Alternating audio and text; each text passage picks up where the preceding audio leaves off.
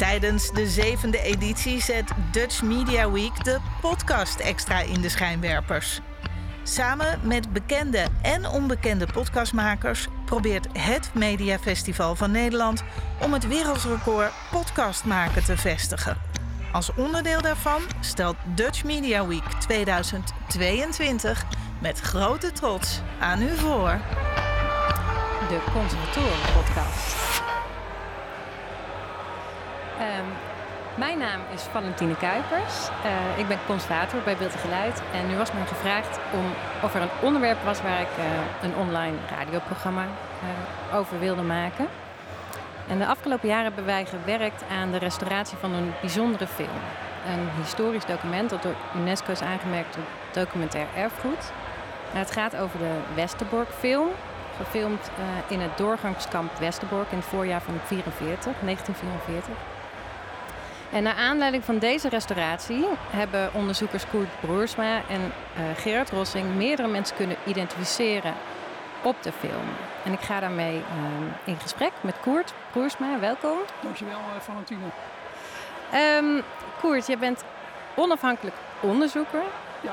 Je schreef een uh, boek over Philip Mechanicus. Ehm, dat was een journalist, maar ook belangrijk ehm, voor zijn dagboek over, over zijn verblijf in uh, Kamp Westerbork.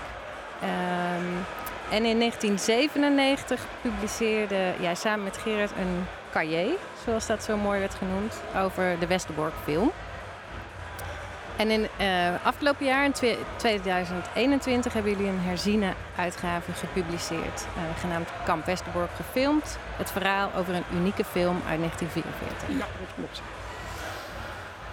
Uh, het boek beschrijft eigenlijk alle aspecten van de film. Dus over de opname, over de, het doel van de film, uh, wat erop te zien is, de makers, zelfs de type camera's. Jullie gaan echt heel gedetailleerd in op die film. Um, nou, laten we beginnen dan ook bij die film. Um, wat, kunnen, wat is erop te zien? Wat, wat is het voor film? Nou, het zijn uh, opnames die uh, in het voorjaar van 1944 uh, in kamp Westerbork zijn gemaakt. Um, op het moment uh, dat wij met ons eerste onderzoek begonnen, dat was in de begin jaren 90 van de vorige eeuw, was er eigenlijk over die film heel weinig uh, bekend. De film was er, het waren filmbeelden die aan elkaar geplakt waren. Een, een echte kant-en-klare film was het niet. Het waren allemaal losse onderdelen die aan elkaar zijn, zijn geplakt. Dat is destijds gebeurd door de Rijksvoorlichtingsdienst. En er was eigenlijk over die film verder weinig bekend. En, uh, mijn collega Gerard Rossing uh, werkt bij het herinneringscentrum en ik uh, werkte daar als vrijwillig onderzoekmeewerker. En aan ons is toen gevraagd um, om een onderzoek te doen naar de achtergronden van die film. door, door wie is die gemaakt, waarom, hoe is men in het kamp aan, aan, aan camera's en spullen gekomen. Um, dus we zijn toen met het onderzoek uh, begonnen. Um, en ja, het, het, eerste uitgangspunt was natuurlijk de film zelf. Hè. Ja, vroeg wat is ja. erop te zien. Het zijn eindeloos veel beelden van uh, industriële activiteiten die in het kamp worden gevoerd. En er zit uh, een paar minuten materiaal bij dat eigenlijk wereldberoemd is geworden. Dat is wat wij dan noemen het transportmateriaal. Uh, waaronder uh, de bekende beelden van een uitgaand transport, een vertrekkend transport uit Westerbork. Met het wereldberoemde beeld van het meisje tussen ja. de begondeuren. Als ik dat zeg, iedereen kent dat wel. Ja, dat is echt zo, iconisch dat, geworden. Dat is, dat is, echt een icoon geworden. Ja. Uh, en we wisten ook wel dat er wat achtergrondinformatie lag bij het herinneringscentrum zelf, maar ook bij het, bij het NIOT, het, zeg maar het, uh, het Instituut voor Oorlogsdocumentatie. En ja, wij zijn toen aan het werk gegaan om te kijken of we daar meer over te weten konden komen. En dat is inderdaad gebeurd. En in 1937 hebben wij het cahier gepubliceerd. En vervolgens zijn we dus, mede naar aanleiding van het feit dat de film een paar jaar geleden op de werelderfgoedlijst van de UNESCO is gekomen, zijn we dat onderzoek, hebben we dat onderzoek, oude onderzoek nog eens tegen het licht gehouden. Ja. Om te kijken of we meer informatie kunnen, konden achterhalen. En dat is inderdaad ook, ook gelukt zijn. Ja. Ja, en als we nog heel even teruggaan naar die film, om even te, voor de mensen ook te begrijpen, uh, iets meer. Uh, nou, die film die ligt, die heeft beeld en geluid in beheer namens het NIOD. Um, de RVD is de Rijksvoorlichtingsdienst is de rechtsvoorganger van beeld en geluid. Zodoende zijn die bij ons terechtgekomen. Ja. het zijn ruwe opnames. Hè? Er lag wel een script. Ehm, en over het doel, daar is nog. Nou, wat, wat, is het doel, wat was het doel van de film? Nou, het, de, kijk, je, je, moet niet vergeten, die opnames zijn gemaakt uh, in het voorjaar van 1944. Dus de oorlog was al vier jaar uh, aan de gang. Ja. Uh, en liep dus al redelijk op zijn einde. En je, je, weet dat kamp Westerbork is natuurlijk een doorgangskamp geweest voor Nederlandse Joden die vanuit het kamp werden doorgestuurd naar de vernietigingskampen. En in het voorjaar van 1944 uh, was eigenlijk Nederland, zoals men dat destijds al heel oneerbiedig noemde, Joedenrein, Joedenvrij, zoals je ja. zou kunnen noemen. Dus heel veel Nederlandse Joden waren al getransporteerd, waren al weg. En dat betekende dat uh, het, het, het, het, kamp Westerbork eigenlijk zijn doel een beetje aan het verliezen was. Want er waren namelijk relatief weinig mensen die nog konden worden opgepakt en die konden worden doorgestuurd. Uh, de kampcommandant van dat moment, het was kampcommandant Gemmeker, die was bang dat zijn kamp zijn doel zou verliezen en misschien opgegeven zou worden. En dat hij vervolgens zelf naar het, alsnog naar het front gestuurd zou worden, naar het oostfront. En hij heeft toen van kamp Westerbork uh, een soort arbeidskamp gemaakt. Dat, ja. dat betekende dat er dus, uh, omdat hij wilde aantonen dat er in Westerbork gewerkt kon worden, dat er een heleboel uh, zaken gemaakt konden worden voor de Duitse oorlogsindustrie. Um, uh, dat het kamp dus nog steeds belangrijker was in een andere functie. En daarmee zou zijn hachje ook gered kunnen worden. Ja. En als een onderdeel, zeg maar een soort PR-instrument, wilde hij een film laten maken die dat industriële karakter van het kamp aangaf, maar ook aan de andere kant aangaf hoe goed het kamp door hem werd geleid en hoe goed het werd georganiseerd. Dus eigenlijk was het de bedoeling dat het een PR-film was, min of meer voor hemzelf. Ja. En deze film is nooit afgemaakt, nooit nee. gemonteerd. Nee. We weten niet exact waarom dat niet is gebeurd. Er zijn aannames, hè? Misschien kun je... Ja. ja. Nou ja, we weten dat er vanaf begin maart tot uh, aan, het, aan het beroemde uh, vertrekkende transport van 19 mei 1944 is, uh, is gefilmd. Ehm, dus zeg maar 2,5 maand. En dan, dan lopen de meningen een beetje uiteen. Uh, was de film misschien niet meer nodig omdat de oorlog nog verder in de stroomversnelling terecht kwam. Uh, maar wij hebben tijdens ons onderzoek uh, hebben we ook eh, ja, toch wel kunnen achterhalen dat ehm, kijk, de, die beelden van het vertrekkende transport zijn de laatste beelden die zijn gefilmd. En wij hebben aanleiding om te vermoeden dat de filmmaker, dat moet ik nog even noemen, dat was een ja. kampgevangene, Rudolf Breslauer. Um, die erg gebedeld heeft bij de kampleiding om de transporten te mogen filmen. Dat hij daarna toch in uh, conflict is gekomen met de kampleiding. Omdat hij namelijk ook de kampleiding bij de trein heeft gefilmd. Ja. En dat daarna uh, alle activiteiten rond het filmen zijn gestopt. Ja. Ja, want dat is natuurlijk wel bijzonder. Dat die, dat die beelden, hè, een groot deel van die film, ik, ik heb het heel vaak gezien. Uh, een groot deel van de film is natuurlijk uh, uh, werkzaamheden en het kampleven. Ja. En er is maar een klein stukje daarvan. Uh, en daar, dat zijn de transporten, binnenkomende treinen en vertrekkende treinen. Dat is natuurlijk wel erg bijzonder. Dat heeft, um, het, zijn ook, het is eigenlijk een, een getuigenverslag van, van de transporten en het, dat het ook daadwerkelijk gebeurd is. Ja, het zijn dus de enige beelden, ja. de enige beelden die in oorlogstijd zijn gemaakt in een kamp. En dat zijn ook de enige beelden van een transport dat naar de vernietigingskamp uh, vertrekt. Ja, en deze film is dus ook gebruikt tijdens het proces tegen Gemmeker ja. en ook tegen Rauter. Ja, klopt, na de oorlog. Ja. ja. ja. Nou. nou, we hebben um, bij Beeldgeluid al die, die blikken, of RVD had die blikken dus natuurlijk al bij elkaar gehaald. We weten, er is waarschijnlijk nog meer gefilmd. Uh, ja, want wij hebben namelijk uh, uh, tijdens ons onderzoek hebben we een, een, zeg maar een synopsis voor de film uh, gevonden. Ja. Waarin in grote lijnen uh, staat beschreven wat er op die film zou moeten komen te staan. Uh, we hebben ook camerascripts gevonden die, die heel specifiek zijn. En die beschrijven eh, wat er gefilmd zou moeten worden. En we hebben ook montagescripts gevonden die eh, beschrijven eh, wat er in die film uiteindelijk ingemonteerd zou moeten worden. En daar dat, zijn, dat zijn dus beschreven documenten. En, en daar worden dus scènes in beschreven die niet in de uiteindelijke Westerbork film zijn terug te vinden, maar die waarschijnlijk wel zijn gefilmd. Zoals een rondgang door het kamp, de kampcommandant die bezoekers ontvangt. En dan heel specifiek eh, staat er in het script eh, de handenschut van drie bezoekers. Dat is dus heel, heel concreet. En daaruit kan je dus afleiden dat er waarschijnlijk meer is gefilmd dan dat er bewaard is gebleven. En wat er met die beelden is, is gebeurd. Er wordt al uh, 30, 40 jaar naar gezocht. Wij hebben destijds in de jaren 90 daar heel veel tijd aan besteed. Maar op een paar kleine spoeltjes met materiaal na ehm, is er eigenlijk, zijn al die beelden niet boven, uh, boven water gekomen. En die zijn dus of vernietigd, of ze moeten nog steeds ergens zijn. Ja, ja want die zoektocht die zal altijd blijven doorgaan, denk ik. Ehm, eh, jullie zullen straks nog even naar die nieuwe filmpjes die we hebben gevonden uh, overgaan. Maar jullie hebben toen in, het, in de jaren 90, toen jullie het onderzoek deden, in 97 is dat cahier uitgebracht. Neem aan, daarvoor hebben jullie dat onderzoek gedaan. Drie jaar daarvoor. Drie jaar daarvoor. Uh, toen zijn jullie nog op twee nieuwe spoeltjes uh, um, gestuurd. En dat was ook weer aanleiding om verder het onderzoek, of dat was het onderdeel van het onderzoek. en daar hebben jullie andere mensen weer ook op geïdentificeerd. Ja, kijk, wij, wij, wisten dat ehm, de Westerbork film zoals die toen bestond. Ja. Um, en daar moet ik ook onmiddellijk bij vertellen. Um, dat is geen originele film, maar dat zijn allemaal kopieën. Klopt. Ja. Die zijn destijds uh, door de Rijksvoorlichtingsdienst aan elkaar gemonteerd in de jaren 80. En dat tot één film.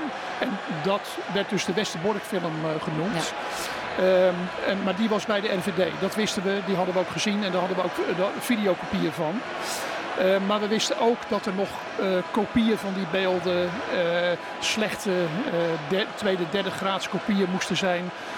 En die, we hadden ook ontdekt dat die allemaal bij het Nederlands Filmmuseum in Amsterdam waren. Dus wat wij toen gedaan hebben, we zijn naar het Filmmuseum geweest en we hebben gezegd we willen alles zien wat jullie nog hebben aan Westerbork film. Nou dat waren kopieën, negatieven. en, en daar vonden we dus nog twee restblikjes met een paar minuten waarschijnlijk afvalmateriaal, restmateriaal. En daar zaten beelden bij van bijvoorbeeld een godsdienstoefening die in het kamp is gehouden op 5 maart 1944. Uh, die niet in de film zaten en, en, en, nog wat, wat beelden. En die zijn dus daarna ook gewoon een onderdeel geworden uh, van die film. Ja. Toen wij die, die opnames hadden ontdekt, is dat ook groot nieuws geweest, ook in Nederland. En uh, die, die, beelden zijn overal vertoond op het journaal en dergelijke. En aan de hand daarvan, die godsdienstbeelden, ja. uh, melden zich dus een aantal mensen die zichzelf op die beelden herkenden. Dus dat was wel heel bijzonder. Ja, en die, uh, die vrouw, zij heet ehm, Henny Dormit. Ja. Hè? Die, ehm, die herkende zich dus op, in dat zangkoortje en die kon ook andere mensen al aanwijzen en ja. wat meer denk ik ook vertellen over, ja, ja dat klopt. over dat. Ja, zij, had een hele, ze had een hele goede vriendin. En uh, ze, uh, Selma Jacobs en ze staan met elkaar, staan ze, naast elkaar staan ze te zingen. Ja, een onderdeel van het koortje. En daarvan hebben we, uh, heeft zij, maar hebben ook andere mensen inmiddels meer mensen kunnen, bij naam kunnen noemen. Ja. ja, en op die film zien we ook nog meer um, hè, mensen aan het werk en ook in het cabaret. Nou, van het cabaret weten we daar wel behoorlijk wat namen al van. Ja. Um, er was ook nog een vliegtuigtechnicus, piloot, Edgar Wijnberg. Wieveren. Wieveren, ja. ja. ja. Um, uh, maar die, die wist, heel, was heel bewust gefilmd. Hè? Die, ja. Die hebben jullie ook toen geïnterviewd? Ja, die hebben, ook ge nou, die hebben we ook geïnterviewd. Die, die heeft een, een, een, een, vrij uitgebreid dagboek nagelaten oh, ja. Ja. over zijn, uh, zijn activiteiten in het kamp. En hij is inderdaad, hij beschrijft ook hoe dat filmen in, in zijn werk is gegaan. Uh, hij, hij, was uh, iemand die zich bezighield met het uh, demonteren van vliegtuigonderdelen. Die dan vervolgens weer werden gebruikt in de Duitse oorlogsindustrie. En zijn scène, dat die is wel vijf, zes keer overgedaan. Je ziet dus op de, op de beelden, zie je dus steeds zie je dat, dat hij dat weer opnieuw moet doen of vanuit een andere hoek. En hij heeft dat uitgebreid eh, beschreven. En hij heeft ook beschreven dat, eh, dat, dat er dus meer is gefilmd in het kamp. En daar is hij dus van overtuigd. Ja, ja, precies. Het zijn ellenlang beelden. Ja, klopt. Eh, sowieso sowieso die ja. film natuurlijk. Aangezien Ja. er nog niet in gemonteerd is. En we andere standaarden op dit moment eh, hanteren. Ehm, en in, eh, in, in die periode hè, van het carrière, dus in de jaren 90 toen het onderzoek is gedaan, ehm, werd er ook onderzoek gedaan naar dat iconische beeld van het Ja. meisje tussen de wagondeuren. Dat deed journalist Aad Wagenaar. Ehm, hoe, jullie werkten mee aan dat onderzoek, toch? Nou ja, het is eh, wat wel vaker gebeurt. Als, als, eh, dan zie je dat mensen, of het nou auteurs of onderzoekers zijn, die dan toevallig allebei met hetzelfde onderwerp bezig zijn. Ja. Hè? Dat gebeurt wel vaker. Ehm, wij waren bezig met een algemeen onderzoek naar die Westerbork-film. Maar eh, journalist Aad Wagenaar, die was op dat moment journalist van de, van de Haagse krant, was al een tijdje bezig met het de, proberen om de identiteit achterhalen van het meisje tussen de wagondeuren. En eh, hij had zelf ook onderzoek gedaan, maar hij liep vast in het onderzoek omdat hij niet kon achterhalen eh, wanneer die beelden waren gefilmd. Nou, dan heb je dus een probleem, want dan heb je wel transportlijsten. Maar ga maar eens van al die transportlijsten, die duizenden namen, dat werkt natuurlijk niet. En ja, het, het, het eh, zou voor hem natuurlijk veel beter werken als hij wist dat meisje is op die datum met dat en dat transport gefilmd. Ja. Dus eh Gerard Rossing en ik hebben toen geprobeerd eh, om de, eh, de datum van dat transport te achterhalen. Nou, daar zijn we heel lang mee bezig geweest dat, en dat is uiteindelijk gelukt doordat we een naam en een geboortedatum konden identificeren. Die stonden op een koffer van een zieke oudere vrouw die op een wielbrancard naar de trein werd gereden. Ehm, wij zagen op een gegeven ogenblik dat op die koffer waarschijnlijk een naam en een geboortenaam eh, stonden. En toen dachten wij, als we die nou kunnen identificeren, kunnen herkennen, dan kunnen we aan de hand daarvan kunnen we op de transportlijsten gaan zoeken wanneer die mevrouw is gedeporteerd. Nou, dat is een enorme klus geweest, want ehm, wat ik net al zei, wij hadden toen alleen nog maar de beschikking over eigenlijk videobeelden. Ja. Nou, die waren al 1, 2 graden slechter dan het, eh, het, het beste materiaal dat de Rijksvoorlichtingsdienst had. Mhm. En wij hebben uiteindelijk die naam van die mevrouw kunnen identificeren door naar de Rijksvoorlichtingsdienst toe te gaan. En daar achter de montagetafel dat beeldje van die film eruit te halen, eh, om te keren. En met een vergrootglas eh, te Ja. kijken wat erop stond. Nou, dat is ons uiteindelijk gelukt. En dat was een mevrouw Frauke Kroon. eh, geboren in Appingedam met een geboortedatum. En toen wij op de transportlijsten gingen zoeken, bleek dat zij dus is gedeporteerd met het transport van 19 mei 1944. Toen hadden we dus een datum. En aan de hand daarvan is de journalist Aad Wagenaar eh, verder gaan zoeken. En hij kwam er toen achter dat eh, de transporttrein van die dag, die uit twee delen bestond. Het voorste gedeelte ging naar Bergen-Belsen en het achterste gedeelte ging naar Auschwitz. Dat eh, het, het, het, het achterste gedeelte van de trein, het gedeelte naar Auschwitz, daar was een zigeunentransport. Eh, mensen waren daarin opgesloten. En dat meisje maakte een onderdeel uit van dat transport. En, en keek nog even door de geopende wagondeur. Eh, omdat ze ook de hond van de kampcommandant had gehoord en gezien. En daar wilden ze nog even naar kijken. Ehm, en dat tafereel is dus door Breslauer gefilmd. En door eh, eh, ja, verder speurwerk is Aad Wagenaar er dus in geslaagd uiteindelijk om de identiteit van het meisje te achterhalen. En dat was dus het Sinti-meisje Settela Steinbach. En vanaf dat moment heeft eh, dat meisje dus haar naam Haar teruggekregen. naam gekregen. Ja. en ook de deportatie van Roma en Sinti natuurlijk meer Ja. eh, aandacht gekregen, neem Ja. ik aan. Ja, Absoluut, ja. ja. dat is echt eh, mooi werk. Hoe wisten jullie dat, die, dat zij naar die hond keek? Er was gesprekken met familie daarover? Ja, eh, eh, Settela stond in de wagon met eh, haar moeder en eh, eh, nog wat familieleden. Aad Wagenaar heeft eh, destijds een aantal van die familieleden kunnen opsporen, die dus in die wagon hebben gestaan. En zij konden dus vertellen eh, wat er in die wagon is gebeurd. En zij zeiden van, eh Settela had die hond gezien, die wilde nog even kijken. En eh, op dat moment dat zij door die wagondeur eh, keek, eh, hoorden ze in die wagon dat de wagondeuren, de andere wagondeuren, eh, werden gesloten.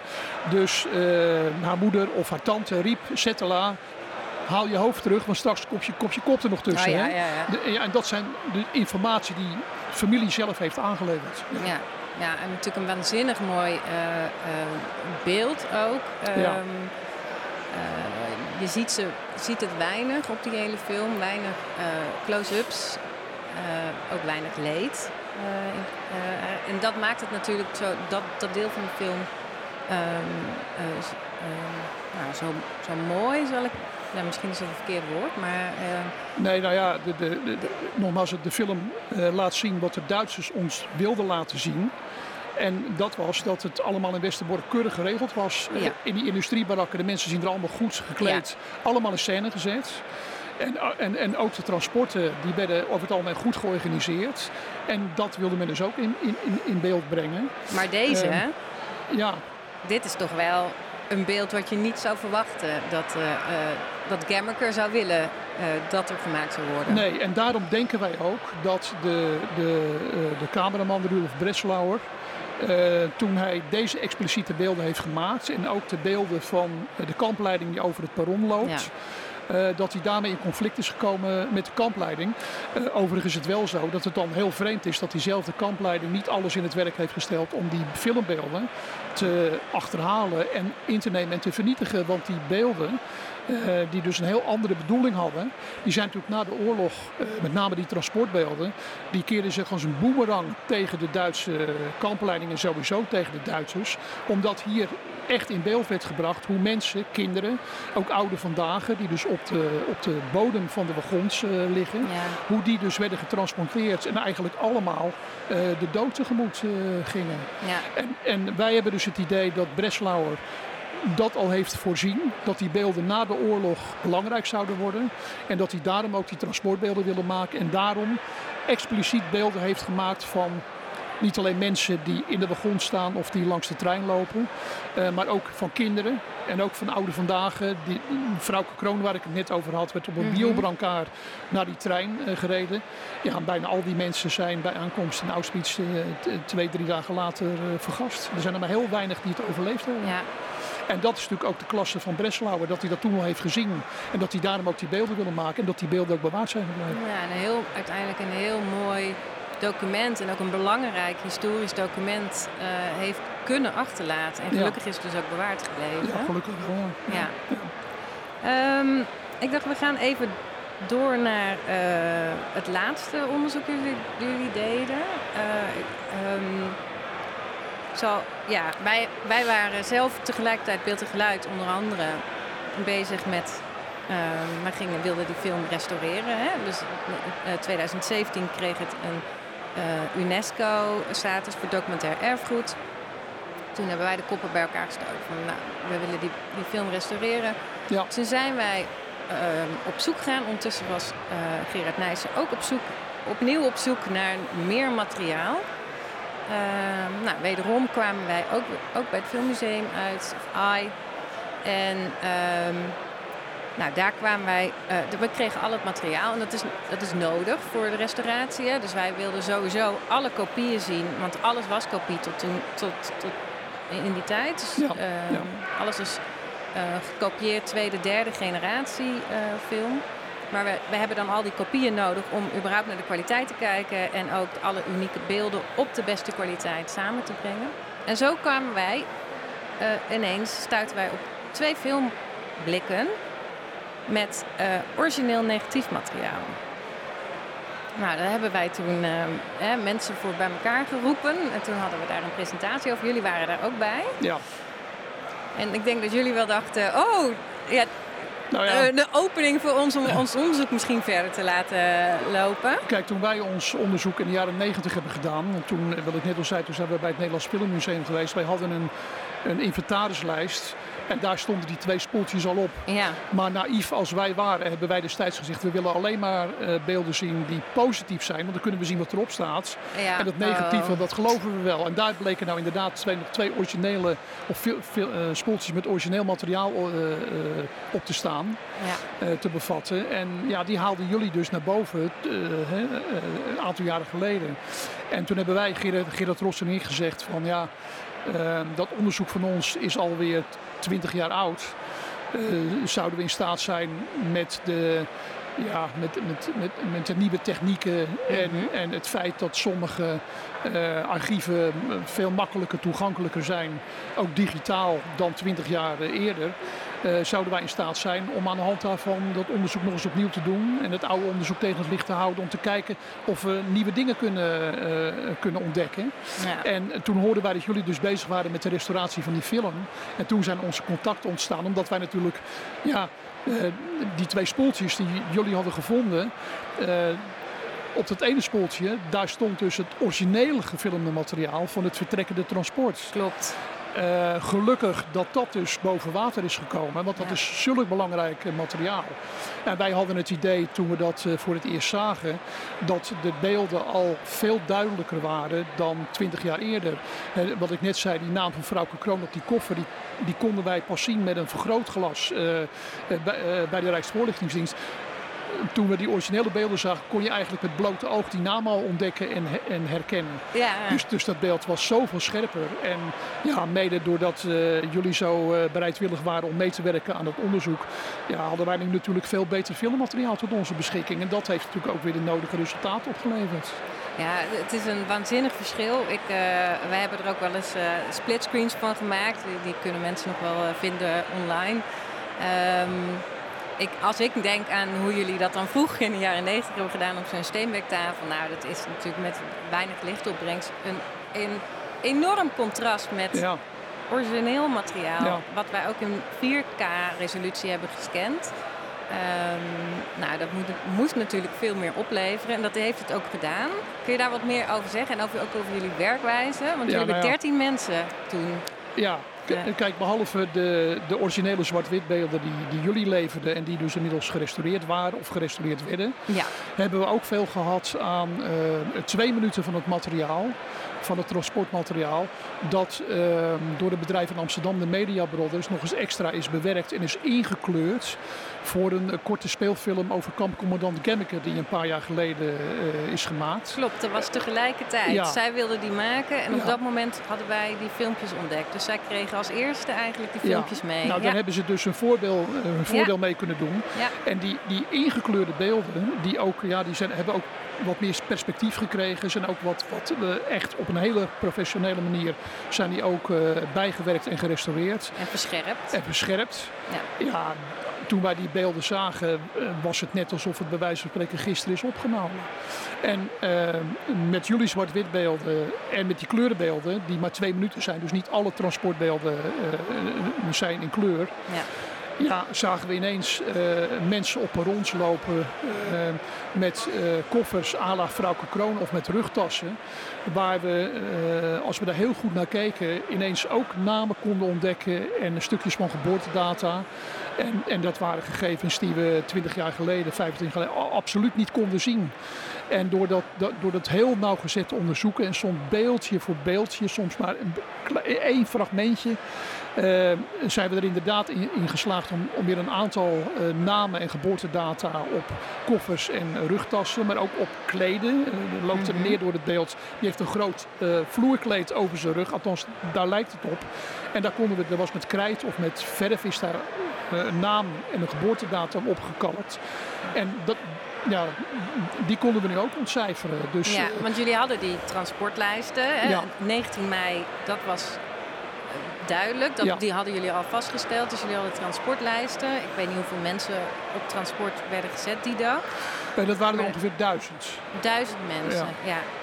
En ik weet nog dat jullie ook bij ons kwamen. En eh, dat we dan echt naar die beelden, dat jullie naar beelden van, nou, is dat een drie of een acht? Of eh, zo zijn jullie te werk gegaan. Ja. Hè? En dan helemaal Ja. reduceren en kijken, oké, waar, wat zou het dan kunnen zijn? Hoe oud is iemand? Ja. Kijk, als je het idee hebt dat er de naam Jansen staat, ik noem maar even een willekeurig voorbeeld, en je hebt een, een vrij duidelijke indruk van een geboortedatum, bijvoorbeeld 31-4 of eh, een, een jaar, eh, 1889. En dan kun je dus in Westerbork kun je, eh, eh, digitaal kun je die zoekterm ingeven. Dus dan, je weet dat je moet zoeken naar het transport van 19 mei 44. Dan vul je de naam Jansen in. En dan vul je dat geboortejaar in, 1889. En dan kijk je wat eruit komt. Ja. Nou ja, zoveel mensen, misschien wel die Jans weten, eh, weet ik niet. Maar een geboortejaar 1889 zijn er natuurlijk niet. Nee. Dus daar rollen al heel gauw eh, eh, eh, namen uit. Ook al, ook al kan je de naam niet helemaal zien, maar zie je maar een stukje. Maar heb je wel een idee. Dat voer je in en dan komen er de namen tevoorschijn waar die letters in zitten. En een, een jaartal of een geboortedatum. En dan, ja, dat filtert zich eigenlijk vanzelf al uit. En, en eh, eh, dan kan je man of een vrouw uiteraard, oudere man, eh, jongere vrouw, kind of niet. En zo ga je zoeken en dan uiteindelijk levert dat iets op. En dan heb je soms heb je alleen nog maar één naam en die persoon moet het allemaal zijn. Dan ga je verder zoeken. Wanneer is die persoon in het kamp gekomen? Wanneer is die persoon vertrokken? Klopt dat dat hij op 19 mei 44 is, eh, is vertrokken of niet? Daar worden ook veel vergissingen mee gemaakt. Eh, dus dat kan je ook vrij gauw eh, wegfilteren. Dus je komt al gauw tot een, tot een vrij goed lijstje met namen en gegevens waarvan je denkt, verder onderzoek, dat moet die persoon of dat moet die familie geweest zijn. En- zo zijn we te werk gegaan, althans wat betreft namen op koffers en rugtassen. Ja, want dat, is het, dat, heb, dat zijn de meeste die je op die manier hebt eh, ehm, onderzocht, hè, Ja, door ja. de namen. Eh, maar jullie hebben ook nog twee eh, ehm, geïdentificeerd die nu ook nog leven. Die, ehm, dat was twee jaar geleden groot nieuws. Ja, dat hebben jullie niet aan de hand van namen gedaan. Kun je daar... Hoe, hoe deden jullie dat? Nou ja, k- kijk, Zettela Steinbach, het meisje, eh, is natuurlijk bekend. Hè? Dat is een, eh, een wereldbekend eh, eh, beeld geworden. Als je naar het originele filmmateriaal kijkt, dan zit vlak voor eh, dat Zettela in beeld komt, is er nog een scène van drie seconden. ehm, waar je ehm, ehm, een aantal mensen, maar ook een aantal kinderen achter twee ramen ziet. Ja, en ehm, ja, wij hadden het idee, dit zijn ook kinderen. En eh, zoveel kinderen zijn er niet gefilmd op, op de film. En als, nou, als je nou, eh, kijk, kinderen spreken altijd tot de verbeelding. Hè. Bovendien kan je met kinderen kan je ook iets in die zin dat je ook op de zoeklijsten eh, redelijk kan inschatten. Een jonge meisje, hoe oud, een baby of niet. En wij hadden het idee, ehm, ook omdat op, op dat beeld, het, het is een beeld van drie seconden van ehm, eh, ja, twee kinderen in een beeld met een moeder daarachter of een vrouw daarachter.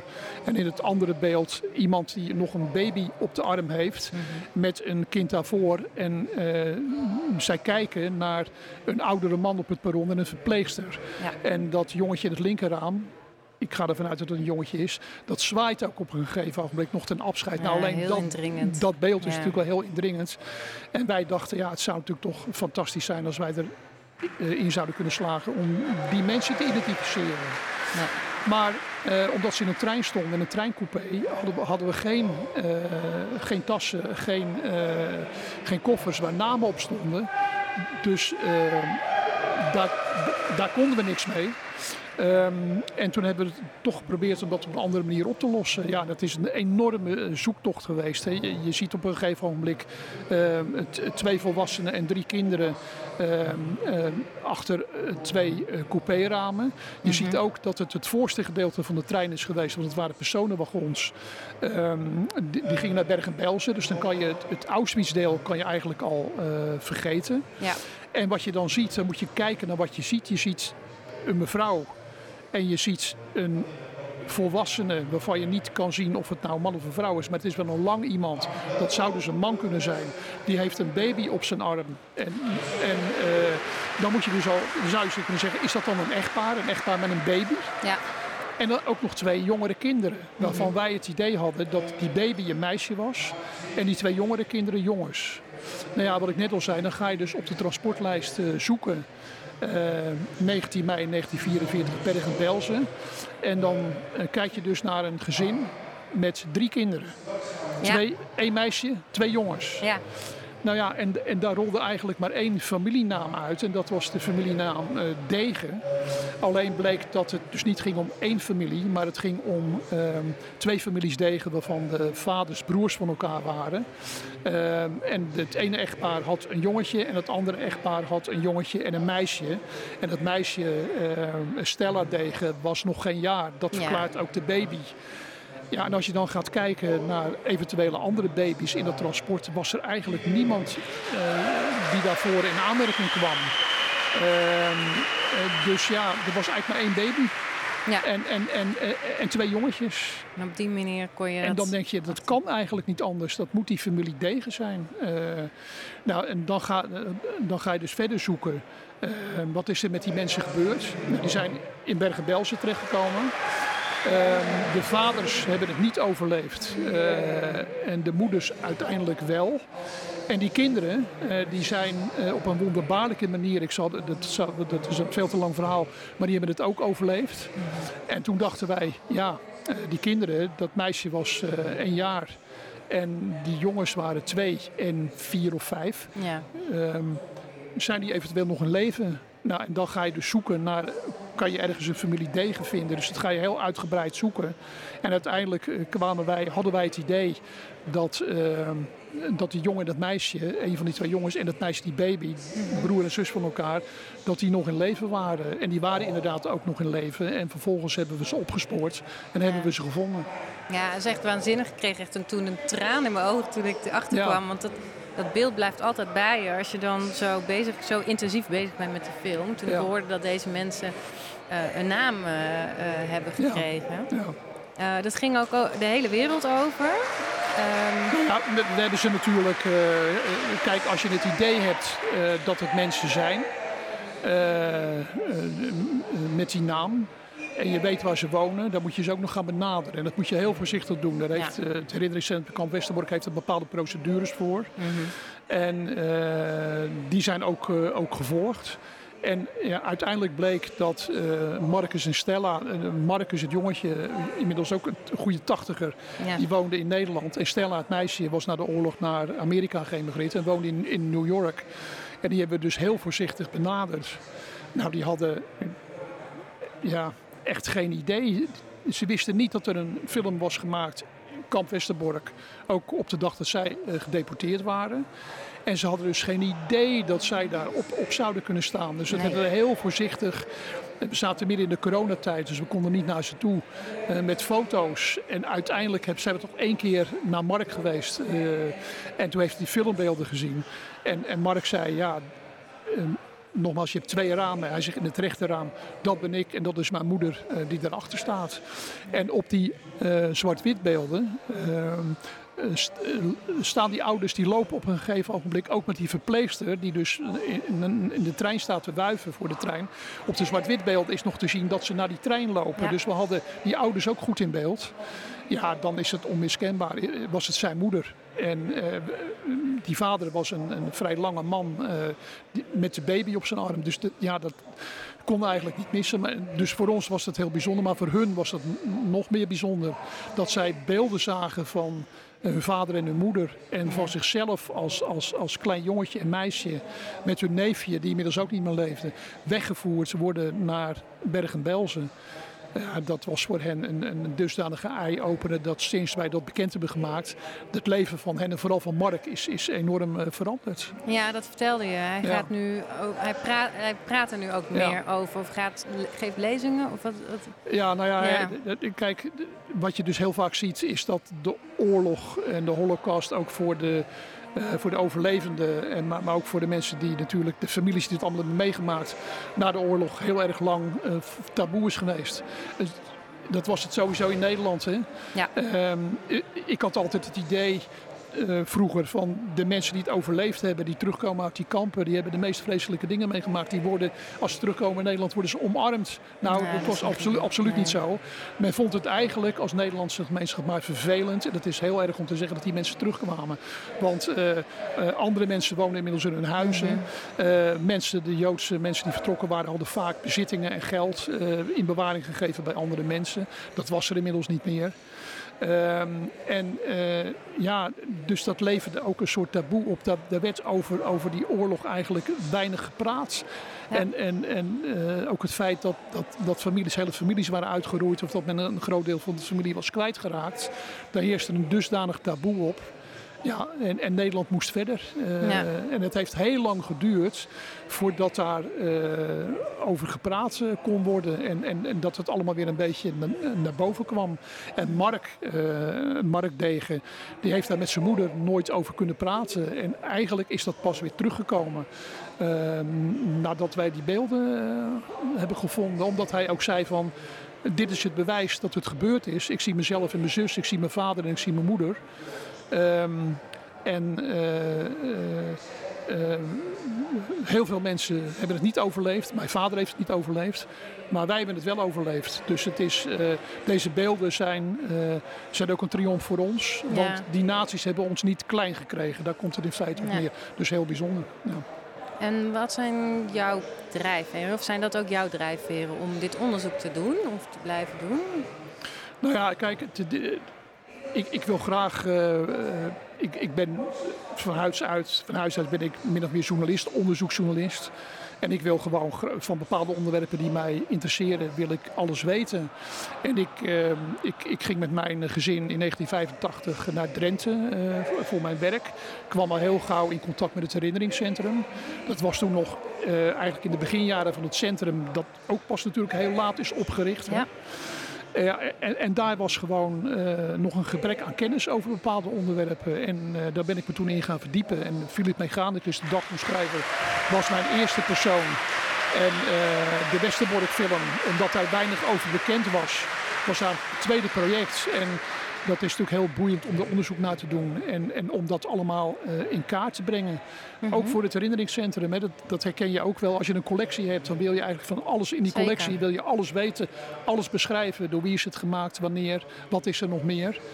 Ja, en die Westerbork-film is natuurlijk dermate belangrijk. Dat het ook heel belangrijk is voor het nageslacht om dat helemaal in kaart uh, te brengen. Hè. Jullie hebben hem nu gedigitaliseerd en gerestaureerd. Mhm. Dus hij blijft voor het nageslacht bewaard.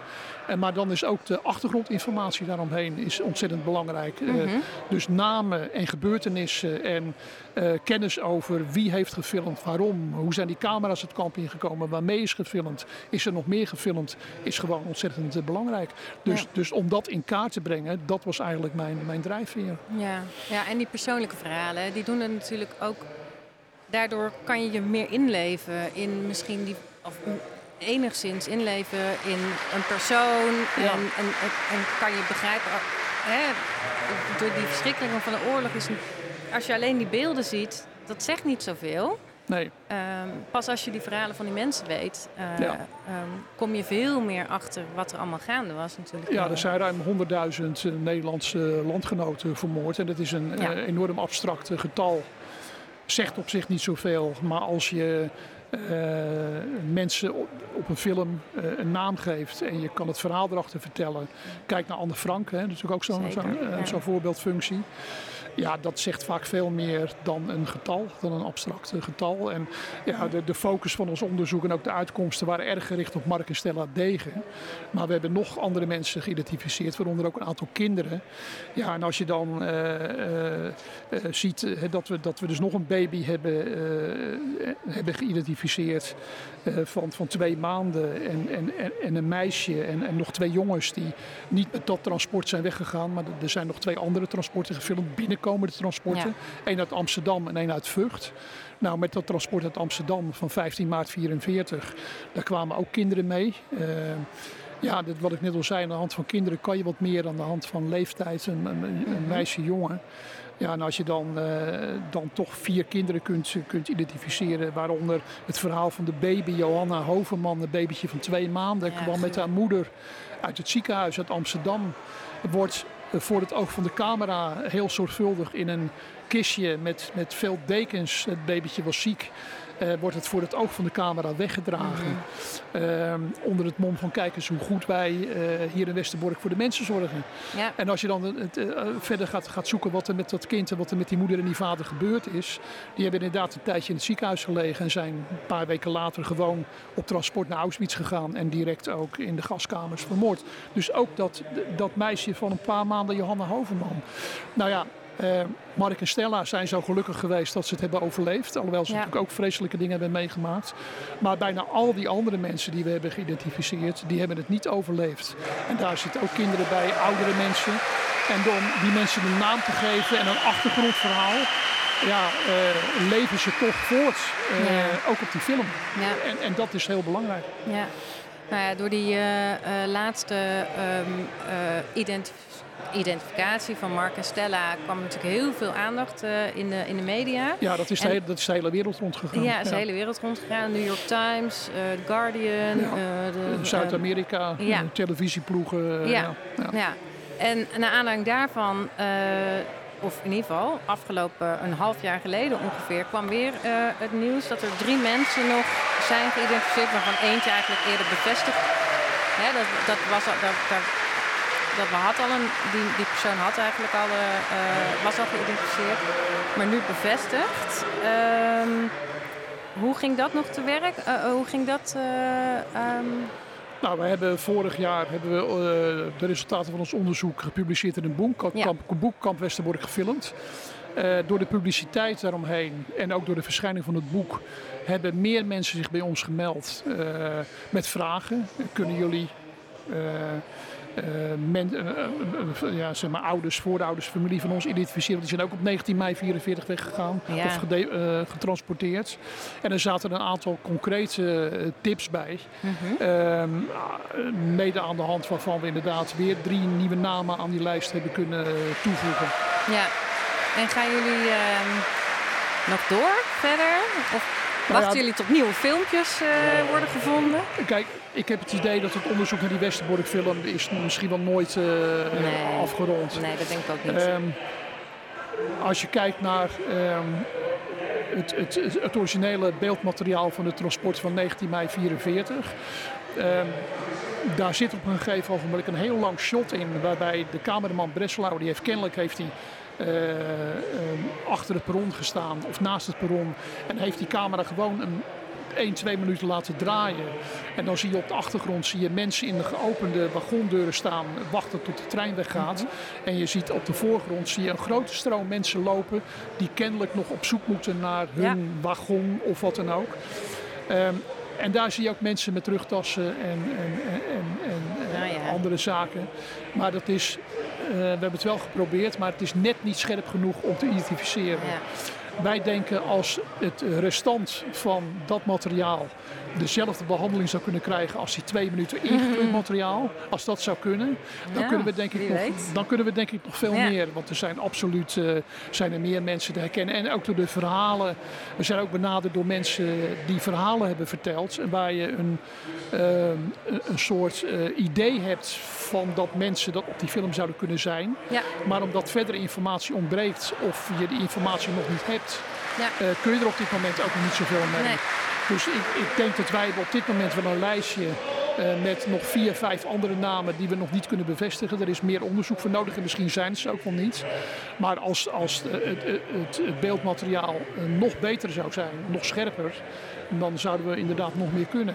En dan ja. heb ik het alleen nog maar over die transportbeelden. Ik wil net zeggen, Want, je hebt natuurlijk de boerderij ook en ja, zo. Hè? Ik bedoel, er zijn, er zijn heel veel beelden van industriële activiteiten in het kamp.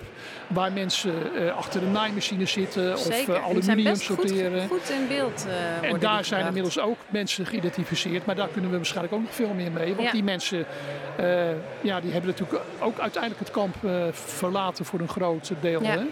Dus, dus de, er is best nog veel te doen. In hoeverre wij er nog mee, wij verder gaan, weet ik nog niet. Uh, mm -hmm. Het hangt er ook een beetje vanaf uh, van wat. Het, er is een, dus toen de film op de Wereld UNESCO erflijst kwam. Uh, is er natuurlijk een consortium gevormd hè, met ja. NIOD, jullie, het Beeld ja. en Geluid, uh, Herinneringscentrum Kamp Westerbork en het Joods Cultureel Kwartier. Klopt. Een groot project, ja. waarvan het een van de eerste onderdelen was het restaureren en het conserveren van die film. Mm -hmm. Maar er zijn uh, meer plannen en wat gaat dat consortium verder doen? Door corona ja, heeft natuurlijk het hele project behoorlijk stilgelegen. Maar uh, ja, wat gaat daar verder mee gebeuren? Hè? De, de, dus uh, ja, nou, geen idee. Daar, daar, en ik weet het niet. Dus wat ik al zei, het nee, is, het is een ongoing project. Ja. Uh, wat naar mijn idee nog wel een aantal jaren kan gaan duren. Ja. Nou, dat denk ik ook. Ja. En dan, dan komen over zoveel jaar komen er weer waarschijnlijk nieuwe, misschien nieuwe ontdekkingen of met andere technieken kan er weer wat, wie weet. Ja. Ehm, laten we het hopen. het is belangrijk en. Zijn die beelden die kwijt zijn, die nog Ja. vermist worden, zijn die nog ergens? ja. Ik, ik weet, er is de afgelopen jaren al zo intensief naar gezocht. En Gerard Nijssen, je noemde net al, Ja. beeld, een beeldonderzoeker die ook heel veel op dat gebied gedaan heeft. Heeft voor zover ik weet ook heel veel archieven in de wereld doorgepluist en, en doorzocht. Ja. Maar ja, je, je weet maar nooit. Hè? Ik bedoel, eh, wij vonden bij ons onderzoek eh, twee spoeltjes met restmateriaal. Jullie vonden nog twee spoeltjes met origineel materiaal. Ja, Ja, wie weet wat er nog eh, tevoorschijn komt. ja nou, het filmmuseum is leeggehaald. Maar eh, ja, wie weet. Ehm, Het buitenlandse archieven. Ja, ja. Nou, ik, eh, ik, ik hoop het. Ik hoop dat we, we gaan er in ieder geval mee verder. Wij wel. Ik hoop jij, jij ook. Ja, het zou mooi zijn. Ja. Ja. En ik wil ja, hartelijk danken. Wat we nog voor de met luisteraars, de film kan ook bekeken worden ehm, op uh, zoeken.beeldengeluid.nl. Ja, bij jullie. Ja. Bij ons Ja. uh, op de website. Ja. Uh, ik wil je hartelijk bedanken voor dit. Ja, en als interview. mensen tips hebben, ze kunnen contact met jou, met mij, met het herinneringscentrum, met beeld en geluid. Dus ze kunnen hun tips en ideeën altijd wel ergens terecht. Altijd, zeker. Ja. ja. dankjewel. Jij ook bedankt, Valentine. Ja. ja.